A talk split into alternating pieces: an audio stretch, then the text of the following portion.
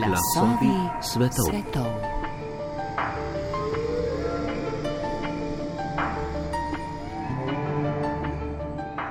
Sodobni način življenja, še prav posebej v razvitem, bogatem svetu, temelji na tako visoki porabi energije in dobrin, da ta poraba že drastično presega zmožnosti planeta, da bi takšno raven lahko dolgoročno vzdrževal. Sodobna civilizacija je uspela nekoč tako rekoč neskončna prostranstva Zemlje na nek način skrčiti na pretesen planet, kjer se zdi vsega premalo. Pa se seveda ni skrčila Zemlja. Izrazito potraten je postal zgolj način, kako ravnamo z vsem, kar planet nudi. A morda ravno zato, ker so razsežnosti tega prekomernega izkoriščanja tako izredne, jih še toliko težje zares doumemo kar pa se nam zdi onkraj našega horizonta, to bomo le stežka naslovili in problem bo v tem primeru postajal vse obsežnejši. A tu se skriva še dodaten zaplet. Spoznanje, da je naš življenjski slog izrazito potraten, ne da bi ob tem sami počeli kaj zares ekscesnega, lahko hitro ustvari občutek krivde, a ta nam pač ne ponudi pravih vzvodov, da bi porabo tudi občutneje zmanjšali. Prav to pa bo vendarle nujno potrebno. Aktualni načrti o razogličenju evropskega gospodarstva do sredine stoletja, s katerimi želimo omejiti podnebne spremembe na še znosno raven, namreč nujno terjajo obsežno zmanjševanje rabe energije. Zato pa se je nujno najprej zavedati vseh razsežnosti in razvejanosti naše porabe energije. V tokratnih glasovih svetov si bomo tako skušali ustvariti čim bolj jasno predstavo o aktualni energijski bilanci in razsežnostih rdečih številk, v katere smo glede na naravne in fizikalne omejitve planeta že globoko zavredli. Temu energetskemu gordijskemu vozlu se je posvetil tudi današnji gost, dr. Marko Kovac z Centra za energetsko učinkovitost Inštituta Jožef Štefan v knjigi z naslovom Energetske potrebe človeštva skozi čas od industrijske revolucije do civilizacije tipa 1, ki je prav nedavno išla pri založbi ZRC. Dr. Marko Kovač, lepo pozdravljeni. Hvala, hvala lepa za povabilo.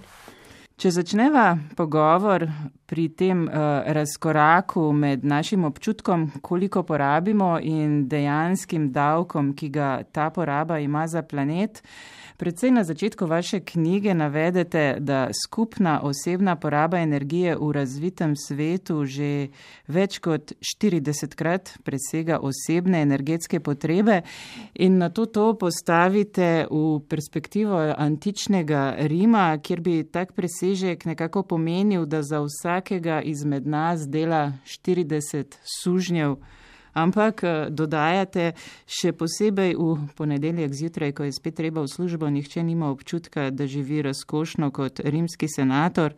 Kje se torej pravzaprav skriva vsa ta presežna poraba danes? Ja, to je v bistvu zanimiv nastavek za začetek razgovora.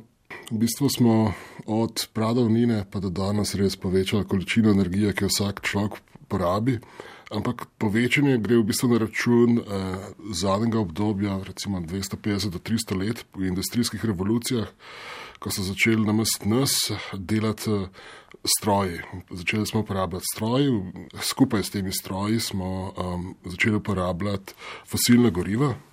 Um, Preden smo recimo, začeli uporabljati premog, smo kurili na biomaso, na, na les, ko se je pa ustvarjala potreba po uh, parnih strojih, ker enkrat les ni bil več zadosten, so začeli izkoriščati premog.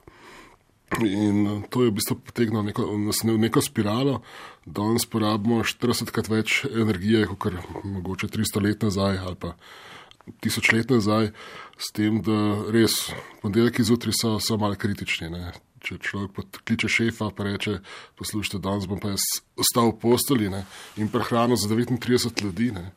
Se to sliši tako lepo, da res ne vem, zakaj treba ponedeljek to službo. Kje pravzaprav recimo danes torej porabljamo največ energije? Omenili ste stroje, dan danes jih imamo vse pa vsot, eh, tako rekoč eh, skoraj ni procesa, ki bi se ga lahko um, zamislili, da bi funkcioniral brez um, takšnih in drugačnih strojev. Ja, v bistvu stroji, naši stroji, nam porabijo največ energije. To na eni strani so vozila, prometna sredstva, s katerimi se ob ponedeljkih vozimo v službo. To so lahko tudi uh, stroji v tovarnah, s katerimi izdelujemo stvari, da se lahko v ponedeljek uh, penamo v službo. No, Slišiš se mogoče malo pretirano, tudi je. Ja, v bistvu naš način življenja je pač rado tak, da, da zelo veliko te energije porabimo ne sami za svoje življenje, ampak v bistvu za, za servisiranje strojev. Pa nočem biti kakšen radist, kot kar pred 300 leti, samo mogoče, da je to nek uh, signal, da mogoče imamo upravka z malo premalo energetsko učinkovitimi stroji. Ali pa mogoče malo preveč uh, uporabljamo stroje, samo zato, da jih uporabljamo. Ni kakšnega posebnega razmisleka v široki uporabi, pač uh, posledica zgodovine, bi temu rekel. Če se malo še zadrživa zdaj pri samih številkah, Marko Kovač, eh, torej koliko pravzaprav energije recimo porabimo danes in kako si to porabo pravzaprav lahko predstavljamo? Kaj ti zdi se, da imamo pogosto upraviti številkami, ki so tako visoke, da uh, si zelo težko nekaj konkretnega predstavljamo, razen da je tega izredno, izredno veliko. Kako zgrabiti te stvari pravzaprav? Ja, eh, številke so res eh, velike. Ne.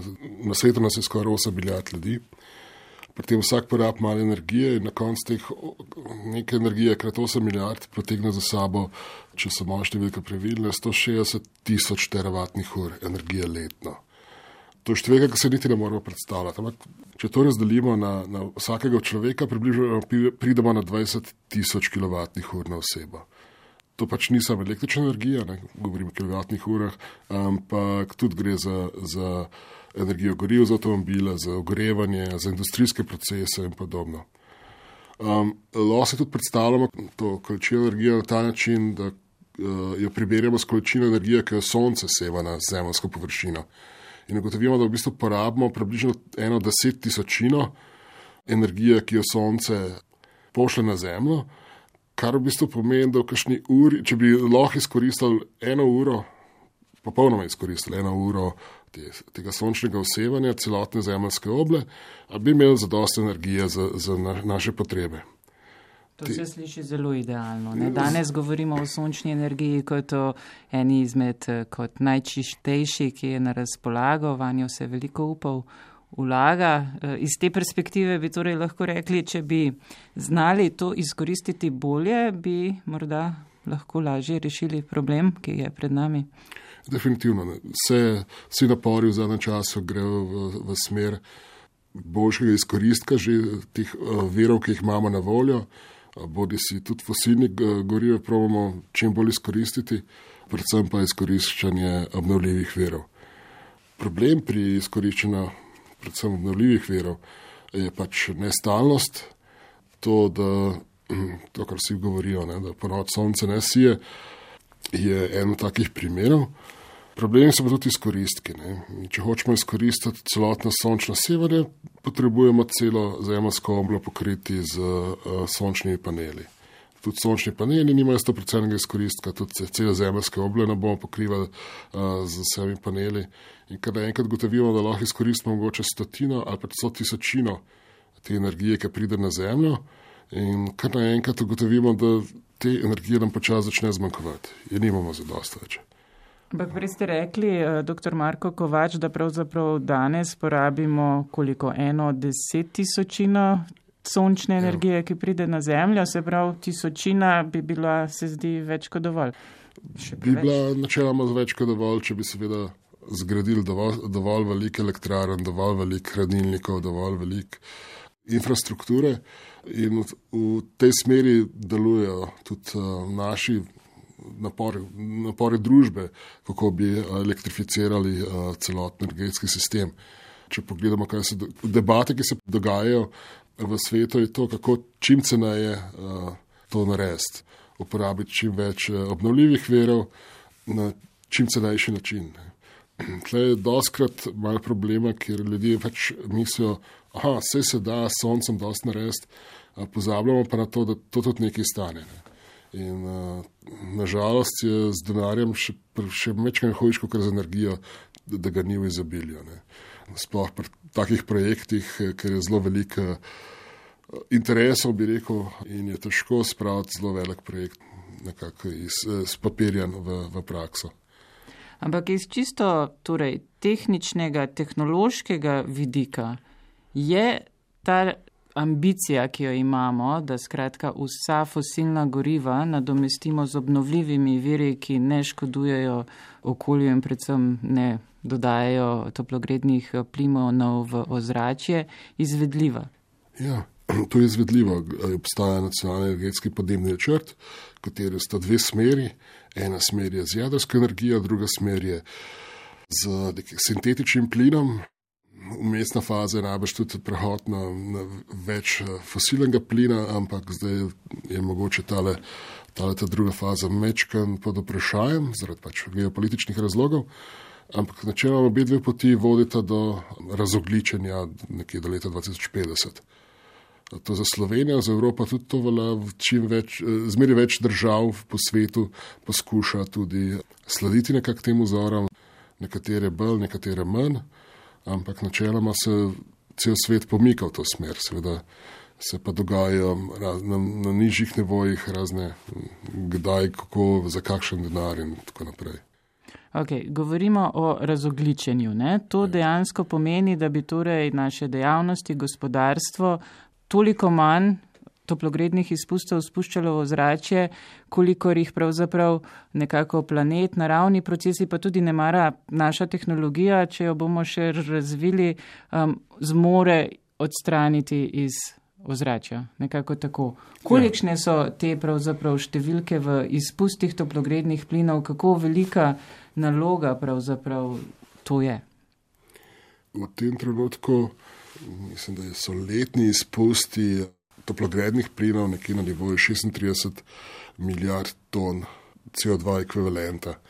Govorimo o CO2 ekvivalentu, zaradi tega, ker CO2 predstavlja nekakšno večino, a, potem je še metan, dušikovi oksidi in tako naprej.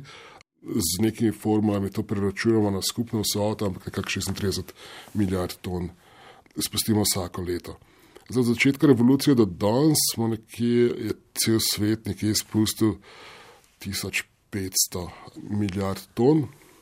Skratka, nekako lepo dodajemo vsak let zmeri več teh, tega CO2. -ja. Tudi uh, iz skupnih uh, ocen, ali to IPCC ali pa podobne organizacije, uh, ugotavljajo, da bi mogli tudi precejšen del teh 1500 eh, milijard ton nekako odstraniti. Kako bomo to naredili, še ni čist jasen. Obstajajo neke tehnologije, ki so pa precej drage, mogoče, nivo, mogoče še precej na eksperimentalnem nivoju, tudi eh, recimo fizikalne osnove. Delovanje oceanov nam niso čisto jasne.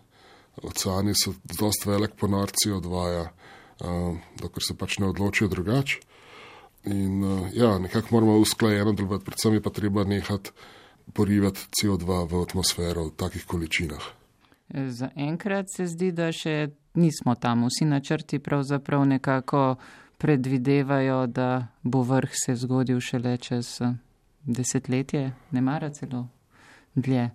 Mm, ja, um, če se ne motim, je zadnjo šesto poročilo IPCC-ja uh, da, da je čas za delovanje zdaj, v bistvu, da je treba izpuste toplogrednih plinov eh, začeti zmanjševati eh, v, bistvu, v roku parih let.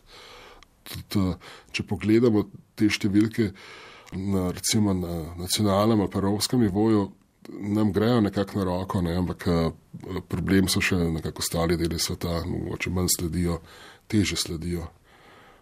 Evropa ima mogoče malo več. Um, malo več zgodovine, to zadevne zgodovine na svoji strani. Ja, verjetno smo tudi nekoliko več že prispevali v aktualno atmosfero. Ja, definitivno. Če pogledamo zgodovinske izpuste, sta vodili seveda Evropa pa Severna Amerika. Ne. Zdaj treba tudi vedeti, da CO2 kar tako ne izgine iz atmosfere, ampak ostane tam še do, do velika stoletja, tako da večina CO2, ki je v atmosferi, je v bistvu posledica nas, ne, evropejcev, sicer zdaj lahko se mi skrivamo, mi slovenci, da v bistvu nismo imeli kaj dosti industrije, konec koncev pa lokomotiva je prišla v naše kraje še v 1857, tam nekje, um, mogoče mečkam prej. Um, tako da, ja, ne, uh, Slovenija mogoče res uh, v tistem času ni, mogoče v teh zadnjih stoletjih ni bila tako zelo aktivna, smo pa zdaj kar dosti aktivni. Zdaj, Vi, dr. Marko Kovač, delujete v okviru Centra za energetsko učinkovitost na inštitutu Jože Štefan, kjer pač se aktivno ukvarjate s tem, kako um, zastaviti pravzaprav energetsko strategijo, da bo uh, čim bolj uspešna. Kje bi sami rekli, da pravzaprav katerim področjem pristopom je potrebno pravzaprav nameniti največ pozornosti? Ne boste verjeli, ampak glede to, imamo ime Centra za energetsko učinkovitost. Je kar naše mnenje, da je energetski učinkovitosti posvečena veliko premalo pozornosti, veliko preveč pozornosti dajemo na razne tehnologije, ki bojo ohranile količino energije, ampak bomo s tem um, na neko, dru neko drugo tehnologijo uh, prispevali manj uh, toplogrednih plinov. Energetska učinkovitost pa enostavno ni seksi. Zakaj ne?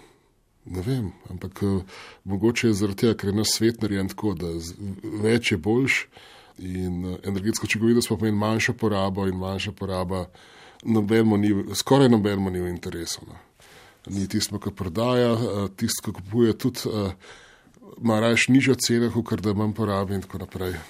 Se veste, slovenci smo obsedeni s popusti, ne pa za, za končno ceno in tako naprej.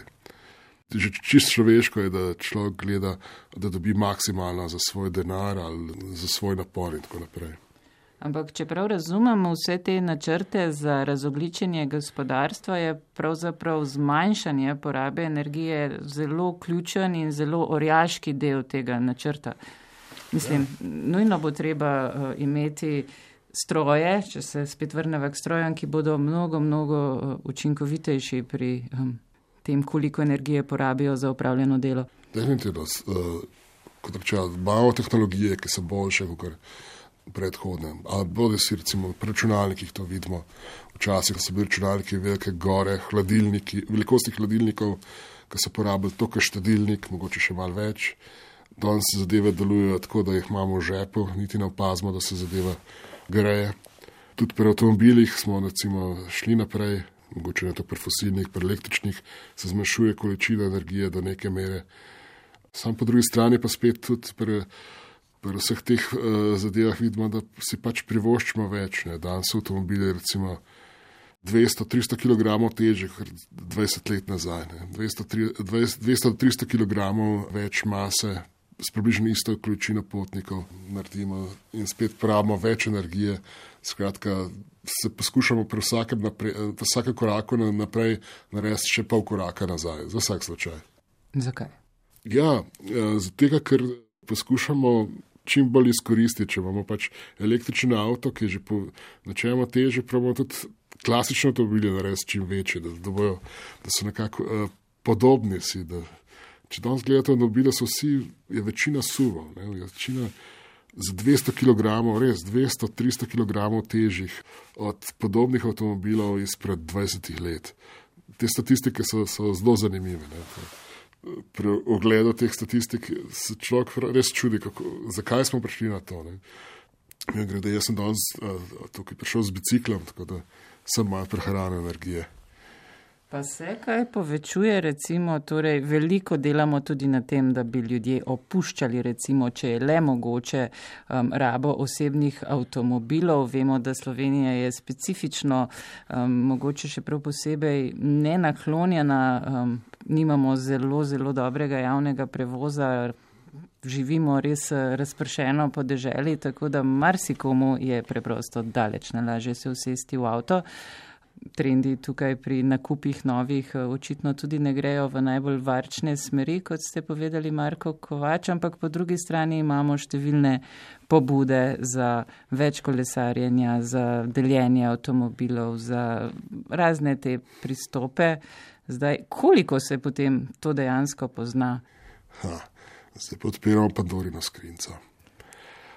Po eni strani je ja, Slovenija res zelo razseljena država, zelo veliko je manjših krajev, kjer potniški promet, javni potniški promet, ne da ni mogoče, ampak je zelo drag za organizacijo. Pri tem pa pozabljamo, da smo se pač za to nekako odločili. Ne. Odločili smo se zaradi tega, ker je cenejše bilo v tistem trenutku zagotavljati prostor v enem manjšem kraju, kot pa prostor v mestu ali pa graditi stanovanja v mestu. In se pač je v zadnjih 30 letih Slovenija zelo postala cela neko predmestje. Ne. Po tej metriki mislim, da smo vodili v Evropski skupnosti. Še po eni metriki smo uh, vodili v Evropski skupnosti, po količini denarja, ki je običajna družina nameni za transport. Skratka, tudi transport nekako pade na ljudi, pa da, pač, da si kupijo avtomobil ali dva ali tri in potem otroke šibajo naokoli ali v šolo ali, ali na te dodatne dejavnosti. Enostavno smo pristali na ta razvojni model. In zdaj po eni strani je to, da rečemo, da zdaj bomo pa vsi brez avtomobilov, brez da bi zagotovili javni potniški promet ali pa druge načine prevoza, ne, ne samo, da je kontraproduktivno, ampak mislim, da je rahlo ciničen tak odnos. Tudi, če pogledamo, kako eh, hočemo razvijati promet, je ta obrnjena piramida trajnostnega prometa, ki podarja pešačenje, podarja kolesarjenje, podarja javni potniški promet in še na čisto na koncu je elektrifikacija voznega parka. Če pa pogledamo, pešačenje odpade, če smo, če smo več kot 500 metrov ali pa kilometrov od uh, tam, kamor hočemo iti. Tudi kolesarjenje ponovadi ne gre, ker, ker so naše ceste zelo oske, po večini narejene za dva avtomobila, da se srečajo. Vse gradimo kolesarske povezave. Te kolesarske povezave so večinoma a, transverzalne, skoraj rekel, dost za turistične namene. Nekako moje izkušnje je za mesto, v katerem živim, da ja, vse so kolesarske povezave, vse gradijo se izboljšujejo, ampak spet vsakeč, ko naredimo kakšen korak naprej, poskušamo še pol koraka nazaj. To lahko pomeni, da se kolesarske povezave podaljšujejo, peljejo okoli, prepovedujemo vožnjo s kolesom čez določene predele in tako naprej. Tako da ta, ta naš napor, kako bi radi, kako bi radi razogličili, že sam promet je, je zelo kaotičen. In, težko bomo na ta način res dobre uspehe doživeli. Je na drugih področjih morda um, vendarle bolj obetavno kot pri prometu? Ja, tam, kjer je mogoče več, več vloga države ali pa spodbuja države, se, se da marsikaj narediti. Pri recimo ogrevanju in hlajenju je kar veliko pobud tudi lokalnih skupnosti za skupinsko gretje, pač eh, povezava vsi kraja v, v neko daljinsko ogrevanje, eh, bodi si z biomaso, ogrevanje z biomaso ali pa z odvečno toploto. Tega je nekaj, je pa res, da smo pri tem zelo počasni. Tudi uh, so dodatne pobude za dodatno izolacijo stavb, ampak spet zelo počasna, ta zadeva je zelo počasna. Morda bojo pa spremenile zdajšnje razmere, ko bo energija postala dražja, bo v bistvu ekonomska, ekonomska računica mogoče malo drugačna. Do zdaj, ko je bila energija do, dovolj poceni, je bilo vlaganje v izolacijo ni bilo najbolj ekonomsko smiselno, bi rekel. Čeprav je okoljsko smiselno, je pa seveda um, energija tako poceni. Pri načinih, kako um, najdemo in predelamo energijo, je človeštvo izredno uspešno. Ne? To je tudi uh, vzrok za to, da smo se znašli v, tem, v tej okoljski stiski. Ne? To ni prva energetska kriza, ne? smo jih imeli že ene par. Um, celo ene par smo jih zelo lepo rešili, recimo ta z, z svincem v benzinu, ta, ker smo preveč svinca dodajali, je šlo v recimo 20 letih smo rešili to krizo. Tudi uh, z kislim dežjem, ker bo preveč eh, žvepla v, v izpuhih. Tudi to nekako smo počasi eh, spravili v red. Eh, problem v tem trenutku pri toplogrednih plinih je pa to, da so posledice niso tako zelo vidne. pa še posledice bojo šele čez desetletja, mogoče celo čez stoletja, ker se bo CO2, če pustimo današnji razvoj dogodkov, se bo CO2 še, še vedno nalagal, oziroma toplogredni plini in bojo največje posledice šele okoli leta 2100. Tega pa večina ljudi skoraj ne bo doživela. No. In uh, smo nekako rahlo pragmatični, to zadevno. In nas uh, to, kar se bo dogajalo našim vnukom, ne skrbi tako zelo nimamo čisto um, to vrstnih eh, časovnih skal pred očmi. Ja. Um, zdaj, zanimivo mi je bilo, da vaš, vaša knjiga ima podnaslov od industrijske revolucije do civilizacije tipa 1. In tu ste se očitno navezali na ruskega astrofizika Nikolaja Kardaševa, ki je postavil to lestvico eh, civilizacij tipa 1, 2 in 3, ki se kakor so sploh v 60-ih letih 20. stoletja, ko je on to opisal, pravzaprav delovale še prav posebej rahlo znanstveno fantastično zastavljene. Ampak, če skrajšam, civilizacija tipa 1 je pravzaprav tista, ki, če prav razumem, zmore uporabiti v bistvu vso energijo svoje zvezde svoje vso, zvezde, ki pade, ki pade. Ki pade na, na planet. Uh, ti pa dve energijo celega sonča, oziroma vse svoje zvezde, če bi recimo celo sonce uh, z solarnimi paneli obgradili, bi bila to tipa dve. Uh, ja, Kardašev je uh, zanimiva osebnost, uh, ki je v bistvu v šestih letih, ko je šel razvoj uh, vesoljske tehnologije na vzgor, je že razmišljal o tem, kako, dokam bi pa lahko prišel ta razvoj. Um, Z današnjega stališča je zelo optimističen, bi rekel. Smo ugotovili, da razvoj ne gre tako zelo hitro. Je pa, kar mi je vodilo, te, da sem se obrnil k Dašu, razmišljal sem o tem, kako, kako se podnebne spremembe oziroma energetske krize vidijo na vzven. Mi vsi bivamo na tem planetu, se ukvarjamo s toplogredni plini, izpusti, z vso to um, recimo, informacijami, včasih pa vemo, da je treba stopiti ven iz problema, pa ga pogledati mogoče z drugih uh, oči. In um, razmišljali, ne samo jaz, tudi, tudi drugi so razmišljali o teh problemih, kako se pač opazi taki um, energetski problemi na, na planetu. Ne. In ena od teorij je prav ta, da naj bi. Um, ko gremo z razvojem naprej, ne, potrebujemo zmeraj več in več energije, definitivno. In potem uh, v nekem trenutku bi najbrž te planeti, uh, tako zelo razviti, začeli oddajati veliko več energije in bi bili vidni, saj iz bližnje okolice, mogoče tudi daljne okolice. Zanimivo pa je, da čeprav smo v zadnjih desetletjih v zemljski okolici našli nekaj 4000, mogoče celo več planetov, eksoplanetov, spravo planetov, ki so v drugem sončju, pri no, nobenem nismo opazili, da bi te skoke energije, da bi lahko pojasnili, da tam je pa mogoče življenje.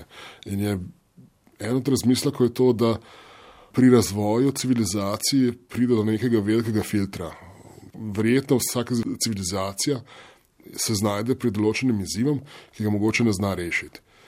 In Zdi se, da je ta problem energije zelo, zelo močen in ta povezan z, ta, lahko povezan s toplogrednimi plini. Da enostavno, prej ali na vsakem planetu, ne, tudi na Zemlji, pride do tega, da ne moramo izkoristiti vse energije, ki, um, ki pade na planet in se mogoče razvoj zaustavi. Zdaj, to delati uh, statistiko na 4000 planetih, uh, na celi galaksiji, je mečken tako um, za lase prevlečeno, ampak to je eno od razmišljanja, ki se pojavlja. Ne? Da mogoče ta um, naša energetska kriza ni tako, rekel, izmišljena, nenavadna, ampak da je v, v, zapisana v mm, DNK vsakega razvoja planeta. Ne?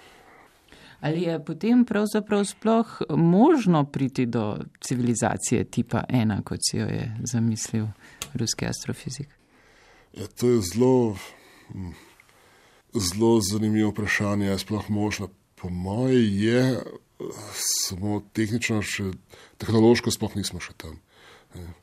To, da vsake tok časa, ki še en bogataš odleti v orbito, pa, pa pride nazaj, to k razvoju ne prispeva prav dosti. Ne samo vesoljske tehnologije, sploh splošnemu razvoju. Ne. Da bi, da bi lahko energijo izven, izven našega planeta pošiljali na Zemljo, bi rabili res velike, velike posege v, v vesolje. To pa zahteva spet ogromno količino energije. In če bi to energijo poskušali dobiti samo s fosilnih goriv, bi bilo to ne, nemogoče praktično. Ljudje se ne zavedajo, kako, kako, kako veliko goriva porabi ena taka raketa. In zato bi rabili na tisoče in tisoče raket, ki bi eh, služili kot tovrnjaki, da bi uh, lahko material poslali v sonče ali pa oziroma nad atmosfero. Še hujš, tudi če bi hoteli izkoriščati uh, stvari z drugih planetov, asteroidov in tako naprej, bi težko, bi težko brez res velikih količin energije. Tako da mislim, da je ta trenutna energijska kriza nekako možnost, da razmislimo, kaj pravzaprav hočemo kot človeštvo in eh, se temu prilagodimo in gremo naprej. Mogoče sem mal naiven, ampak pri svojih letih sem že lahko spet. Zdaj, ta razvoj od industrijske revolucije do problema, ki ga imamo danes, ne, temeli, kot vsi dobro vemo, na fosilnih gorivih, takih in drugačnih, pravzaprav vse bolj energijsko uh, gostih, močnih in tudi po svoje preprostih za uporabo. Zdaj, alternative bodo pravzaprav manj energetske na nek način, če tako gledamo, ne, kot so fosilna goriva. Ja, po svoje, ja, po v tem smislu, da mislite namreč v tem smislu, da bomo nalili liter tekočine noter in imeli za dost, za dost energije za vem, pot do, do sosedne vasi. Niti ne. Ena od, ena od uh, možnosti je tudi pridobivanje sintetičnih goriv, sprav, iz, električne energije, ki jo pridobimo iz uh, obnovljivih verov bi lahko sintetizirali, oziroma najprej z elektrolizo razlomili vodo na vodik in kisik, potem uporabili vodik ali pa ga spremenili v metan, amonijak in potem s temi plini nekako nekak spet poganjali naše, naše stroje. S tem je nekaj tehnoloških problemov, pa tudi okoljskih problemov. No. Um, tehnologije še niso čisto zrele, da bi zdaj rekli, da bomo zdaj s tem to rešili. Tudi ekonomsko smo še delač od eh, neke pametne alternative, ampak eh, še vedno se da dobiti koncentrirano energijo v neki tekoči obliki.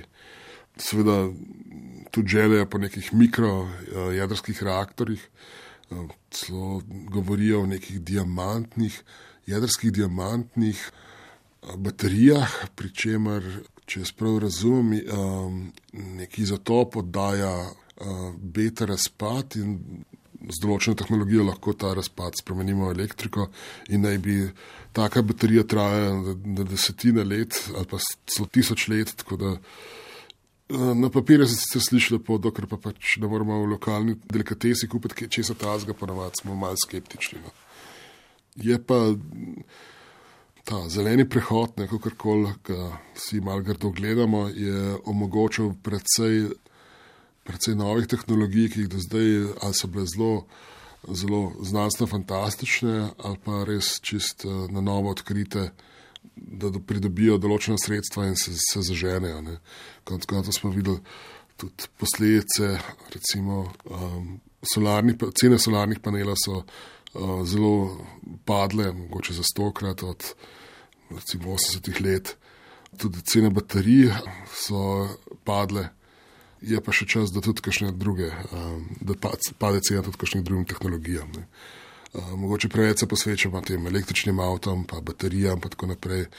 Kakšne take stare, dobre tehnologije, recimo biomasa in ogrevanje nadaljavo, znajo biti celo mogoče bolj zabavne. Ne, ne bom rekel zabavne, ampak bolj primerne za, za hitro uporabo.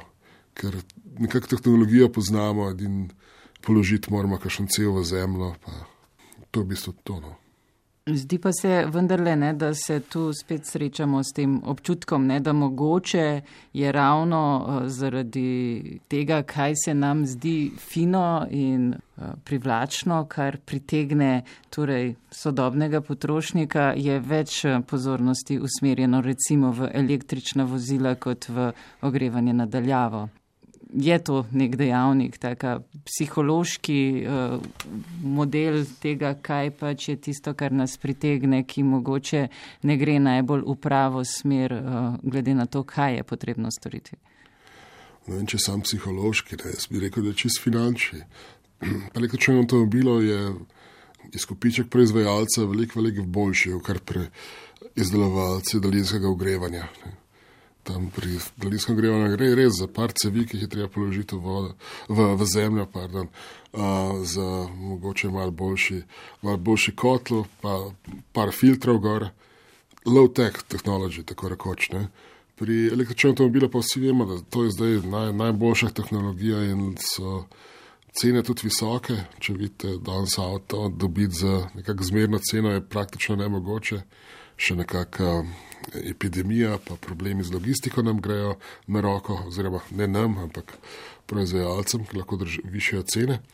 Tako da smo nekako spet pomaknjeni v to smer, da imamo radi dobre, drage rešitve. Ali pa mogoče niti ne dobre, ne. drage, predvsem. Zakaj? Mislim, Glede na to, da imamo nek konkreten problem in zelo veliko razdelanih načrtov, kako naj bi ga dosegli, se zdi pač eh, vendarle nekako kontraintuitivno, da se toliko časa torej posvečamo dragim tehnologijam. Ja. Ne pa najučinkovitejšim.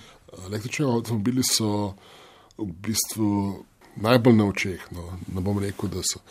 Moram priznati, da ne poznam vseh cifr glede cene, koliko vlagamo v določene tehnologije. Ampak vem, da so precej obširni, obširne akcije zagotavljanja daljinskega ogrevanja in tako naprej. Tudi študije potekajo. Ne.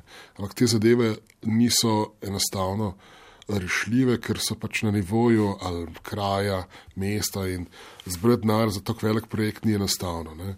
Zbrati denar za električen avto pa delu državljanov ne povzroča tako velik problemov. Ne. Pač ima dražji avtomobil. Seveda, 90% ljudi ima s tem probleme, ampak 10% električnih avtomobilov, ne, če pretiravam, pa se pa zelo lepo sliši, pa se bere o tem v časopisu, pa tudi uh, proizvajalci so zadovoljni. Ne. Uh, nekako vsi smo res bolj navdušeni nad tehnologijami, ki stanejo malo več, kot nad cenejšimi rešitvami. Eh, že nekako ekonomsko se nekako sliši lepše. Torej, vse te pobude, da je pravzaprav nujno za pač dobro planeta trošiti manj, eh, nekako se ne zdi, da ali se jih samo ne zazna, ali nimajo dejansko niti pravega um, učinka. Ne? Premal, uh, ta ekonomičnost ne, je premal seksi, enostavno ljudje ne vidimo nekako smisla v tem, a zdaj imamo pa šparal, pa ne stane, kar hoče. Ne.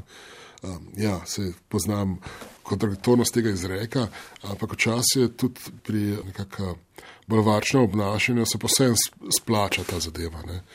Je pa res, da je tudi veliko šumov. Zdaj, recimo ob tej zadnji geopolitični krizi, a, vojni, smo dobili na svete mednarodne agencije za okolje, da bo vse v redu, samo če zmanjšamo temperaturo, pa če manj uporabljamo avtomobile. Skratka, ljudje se začnejo sprašovati, aha, če je vse, cel, cel svet odvisen samo tega, kako jaz delujem, potem ljudje malo zgubijo upanje nekako v, v to.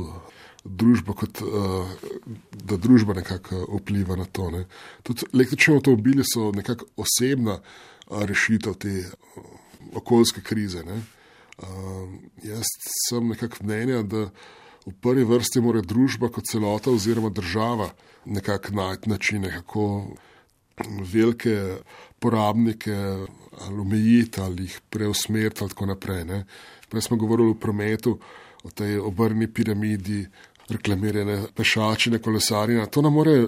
Vsem seveda, vsak človek se odloči zjutraj, ali bo šel peš ali kolesarjo, ampak spet njegova odločitev ni posledica tega, ali je ti izdan to sanje, ampak je posledica čist realnih, realnih razmer, eh, kako pride do, do svoje službe ali do trgovine. Ali je sploh mogoče pijeti peš, ali mora reči čez veliko šestpasovnico, ker ni šans, da bi šel, eh, da bi šel, recimo, prečil šestpasovnico z otrokom, uh, mogoče seveda malo pretiravam, še zmeri je varnost v prometu v Sloveniji ja, nekje na nivoju, ampak vse. Ne. Dost velik eh, imamo vse nezgod eh, s kolesarji in tako naprej. In odločitev, da, da samo nekako na ne, ne najbolj varno pot odpravili s kolesom na mestu v dvotonskem terencu, ne, je skoraj samo morilska. Ne, ne. Če sem prav razumel, lansko leto je umrlo na cestah deset kolesarjev od tega so samo trije povzročili nesreče, v kateri so izgubili življenje. Ne. Sprav, 70% kolesarjev je umrlo zaradi napake nekoga drugega. To nam da nek podatek, da ja, kolesarjenje je v bistvu samo morilsko, ob dani infrastrukturi. Ne. Sveda, vsi hočemo to infrastrukturo imeti boljšo, ampak to je pa stvar uh, družbe oziroma države, da to zadevo uredi. Ne moramo se sami spraviti eh, z otroškim valjem, pa z lopatko, pa, pa delati uh, kolesarsko cesto, za, za, za to, da bomo lepš prišli do, do, do službe, ali pa bolj varno, ali pa udobno in tako naprej. Uh, ta pobuda, da, da bomo sami rešili planet z, z raznimi kalkulatorji, aha, zdaj pa če jaz hladilnik dam na mal manj, pa štedilnik na mal, isto na mal manj, uh, bom pa rešil planet. Ostalo te preveč energije porabimo druge, da bi naš hladilnik zelo veliko vlogo pri tem, uh, pri tem vplivu uh, imel. No? In uh, če bomo sam na, na uh, sloveli sam na dejanjih uh, vsakega posameznika, ne pa na dejanjih uh, cele družbe, potem ni, ni uspeha kot rečeno, celo zemljo ima 8 milijard ljudi in uh, en človek proti 8 milijardam je blisnični. Mene recimo je kar presenetilo, ne, ko smo pač leta 2020 doživeli to ustavitev gospodarstev in recimo tudi uh, torej letalskega prometa, ki se je v dobršni meri res zaustavil. Ne. Če pomislimo, uh, kolikšen delež pravzaprav imajo te pobude, da je fino manj leteti za to, da si znižaš svoj oglični odtis. Ne. Pa vendar se mi zdi, ne, da sicer smo opazili neko znižanje izpustov v tistem letu zaradi tega, vendar je mene osebno presenetilo, da se vendarle spet ni poznalo toliko, kot bi človek pričakoval. Ne. Ja, v bistvu mislim, so podatki iz uh, observatorija v Havajih, kjer merijo uh, CO2, so pokazali, da se je v letu 2020 uh, koncentracija CO2 povečala za 2,3. Ja, ppm, na vrst 2,5, kot je bilo do, do takrat. Sprav, razlika je bila zelo majhna, ampak še zvedi, koncentracija se je povečala. Ta pandemija, ki smo bili večinoma doma, ni pomenila, da, da smo pa zdaj opravili kaj zelo konkretnega glede izpustov toplogrednih plinov. Ne. To kaže na velikost našega problema. Sej, ne, ravno to, ko se zdi, da je bilo tako obsežno, so bila zaustavljena številna življenja in številne dejavnosti, ki sicer tudi dodajajo svoj odtis, eh, pa vendar ne, se je nekako pokazalo, da očitno večino izpustov nastane druge. Ja, no, spet, spet statistike, mogoče lih prometne. Ne. Kar se tiče našega osebnega prevoza, se pokaže, da, da je bilo veliko zmanjšanje. Kar se pa tiče recimo to prevoza tovora, pa tega zmanjšanja ni bilo kaj posebej veliko, oziroma je bilo zelo samo v tistih marca, april leta 2020, potem je pa to šlo že nekako na, na a, osnovno mejo in recimo se mogoče pri prometu pozna zelo malih zaradi tega mednarodnih prevozov, ker je Slovenija tranzitna država. Podobno tudi pri, pri industrijski proizvodnji. Hkrati so bile naše a, tovarne so bile a, tako dobro zorganizirane, da so lahko nekako zorganizirali svoj, svoje delovanje z, na nekak drug način, z, z omejeno ekipo ali mogoče z, z drugimi zdravstvenimi ukrepi. Kar pomeni, da na koncu energija se ni porabila eh, čist nič manj, oziroma mogoče še celo relativno več, ker je mogoče kje spadla, pa, pa, ni, bilo, pa ni bil ta izpad eh, pokrit tudi z manjšanjem zaustavljanja določenih naprav in tako naprej. Ne. Ja, tle zmanjšan, da bi sam zaprl polovico tovaren ali pa polovico cest, ne, nekako ne bo imel tako velikega vpliva. Ne, tega, zmanjševanje toplogrednih ali pa zmanjševanje porabe energije v splošnem, ne, se je treba lotiti na, na nek bolj celovit način. Ne, ne samo to, da zapremo pa v države. To mogoče niti ni najboljši primer. Kaj torej bi bil najboljši primer? Ja, delovanje tako skupaj države in posameznikov ali družbe in posameznikov. Recimo, da da država nekakšne določene napotke, naredi domačo nalogo, kar je zelo pomembno. Doskrat imamo to, da nam tisti, ki imajo nekako uh, višji od nas oblast nad nami ali karkoli, dajo zelo dobre predloge, ampak uh, potem vidimo, da je pa na nas, da jih uresničimo. Ne, ne treba je narediti domačo nalogo tudi na tem nivoju. Ne. Uh, vsi vemo, da bomo radi šefe, ki nam, ki nam ne samo povejo, kaj je treba narediti, ampak mogoče dajo tudi kakšen zgled, ne? tudi zgledi strani države, mislim, da so nujni. Potem se pa lahko posameznik odloči, kaj je bolj za njega. Če bo, če bo infrastruktura nekako primerna, če bo vsaj izhodišče primerna, ni vrag, da se vsaj 50% ljudi nam bo odločilo za drugačen način prevoza. Ali je to skupinski, ali je to pešačenje do, do bližnjega do bližnje trgovine, je to vožnja s kolesom v službo. Do tega mislim, da bo prišlo, ampak s tem, da bom pa samo rekel, da danes naprej pa prepovedam to, bo, kot se je videlo recimo v Franciji ne, z temi protesti rumenih jopičev, da ta način nekako ne gre. No. Sploh francozi, ki so nekako narejeni na to, da vsake 30 let zažgejo državo in povzročijo manjšo revolucijo, ne, je, je tam ta način mogoče še malo slabši, kot pri nas. Skratka, potrebujemo jasne zglede, možnost, infrastrukturo za to, da pač spremenimo. Potrebujemo pač ljudi, ki vejo, zakaj se gre in tudi verjamejo to, kar počnejo. Če prevzamemo, kar se zelo rado dela, da pač prevzamemo nek dokument za strani Evropske skupnosti, In rečemo, da to pa delamo zato, ker so nam drugi zapovedali, pa ne vemo niti fizikalnih ozadij, zakaj nas to tisti dokument, kaj pravzaprav hoče tisti dokument povedati. In rečemo samo, da Evropa je kriva za vse naše tegobe ali pa kdorkoli že, ne? ali dedek Mres ali eh, zobna vila ali kdorkoli ta mitična figura, ne? potem vemo, da zadeve ne bojo, uh, ne bojo špilale.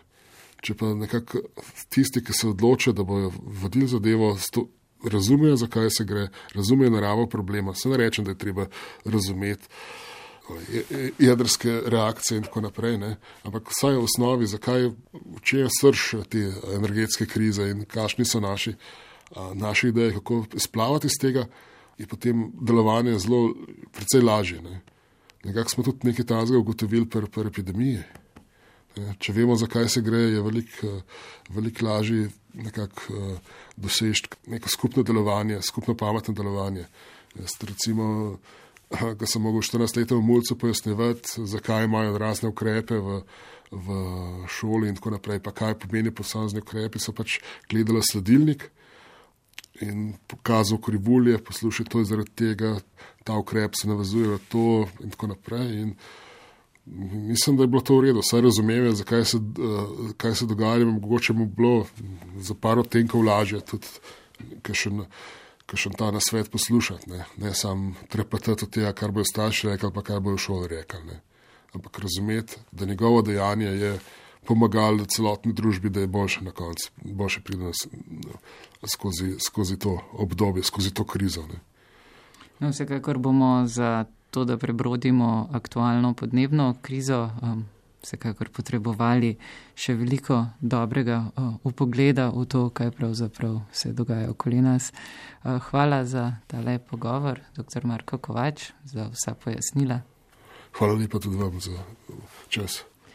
V tokratnih glasovih svetov smo se posvetili energijski bilanci planeta. Gost v oddaji je bil dr. Marko Kovac z Centra za energijsko učinkovitost na inštitutu Jožef Štefan. Pogovor sem vodila Nina Slaček, zato pa je skrbel Nate Pip. Najlepša hvala za vašo pozornost in seveda vabljeni, da oddaji glasovi svetov prisluhnete tudi na spletni strani programa Ars ali jo poiščete med podcasti.